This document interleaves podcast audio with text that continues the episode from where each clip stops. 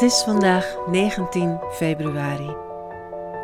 Deze negende dag in de reeks van het leven van mijn dochter Daisy, of Desiree Alicia, was een grote ommekeer. En toen voelde het thuisblijven heel zwaar. Na een onrustige nacht twijfelde ik of ik niet toch zou gaan. Maar nadat ik het ziekenhuis had gebeld en ze me ervan overtuigd hadden dat het goed ging met Daisy, besloot ik dan toch vandaag maar in bed te blijven. Ik voelde wel dat ik het nodig had. Ik zou absoluut mijn krachten nodig hebben en linksom of rechtsom zorgt het leven dat je krijgt wat je nodig hebt. Ik heb dat nu al zo vaak mee mogen maken. Dat je nog zo dwars kunt liggen of eigenwijs iets anders kunt willen. Uiteindelijk blijkt er dan altijd iets niet door te gaan, wat maar goed was, of juist ineens iets te lukken wat je nooit had gedacht. Ik vertrouw daar steeds meer op, al is het soms niet makkelijk om je met zoveel vertrouwen over te geven aan de stroom van het leven.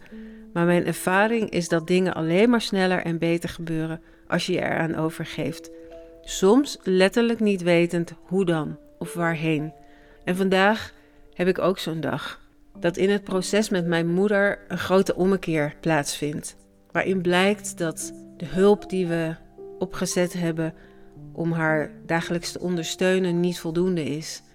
En dat we moeten gaan denken aan die grote stap waarin ze naar een verpleeghuis moet.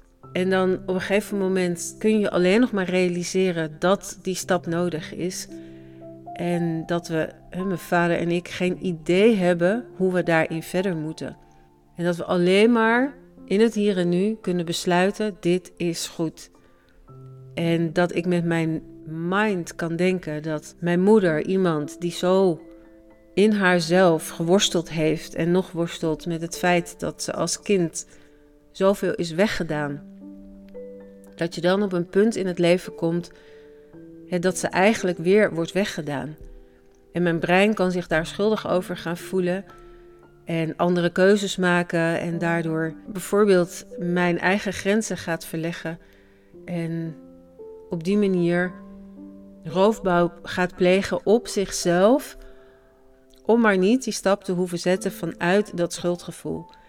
En ik zie dat ook heel erg bij mijn vader terug. En het leert mij zo dat wat ik ook gedaan heb, dat roofbouw plegen op mezelf om er voor de ander te kunnen zijn. En wat natuurlijk voortkomt uit een manier van please gedrag zorgen dat het goed is voor die ander, zodat de ander jou goed vindt of waardevol vindt of geweldig vindt of wat dan ook.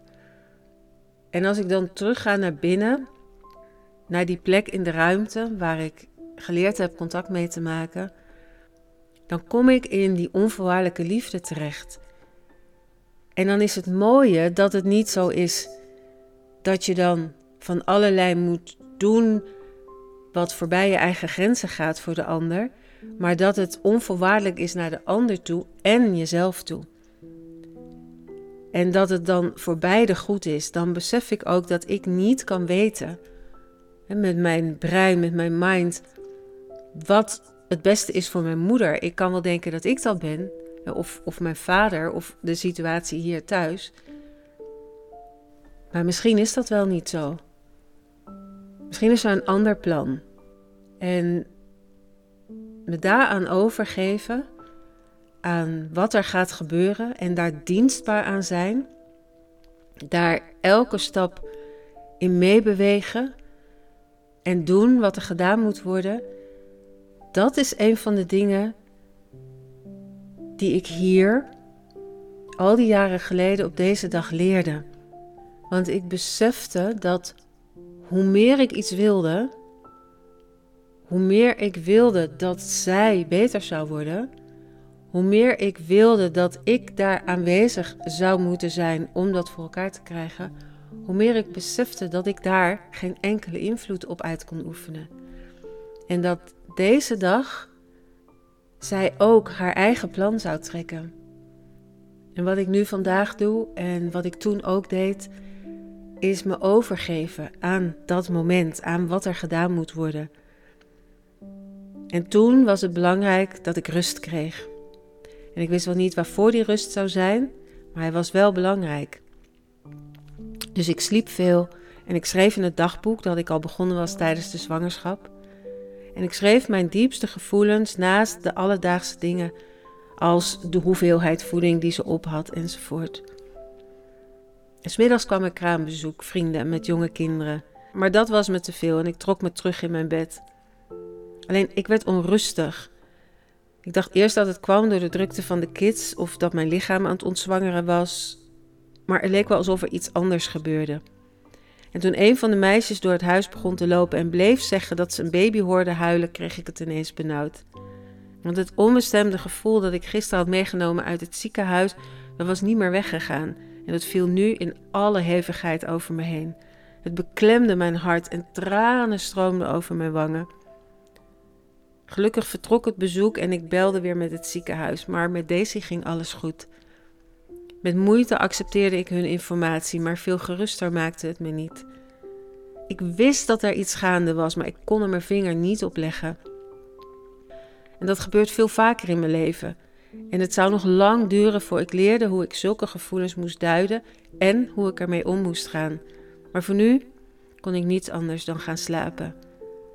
Maar midden in de nacht schrok ik wakker.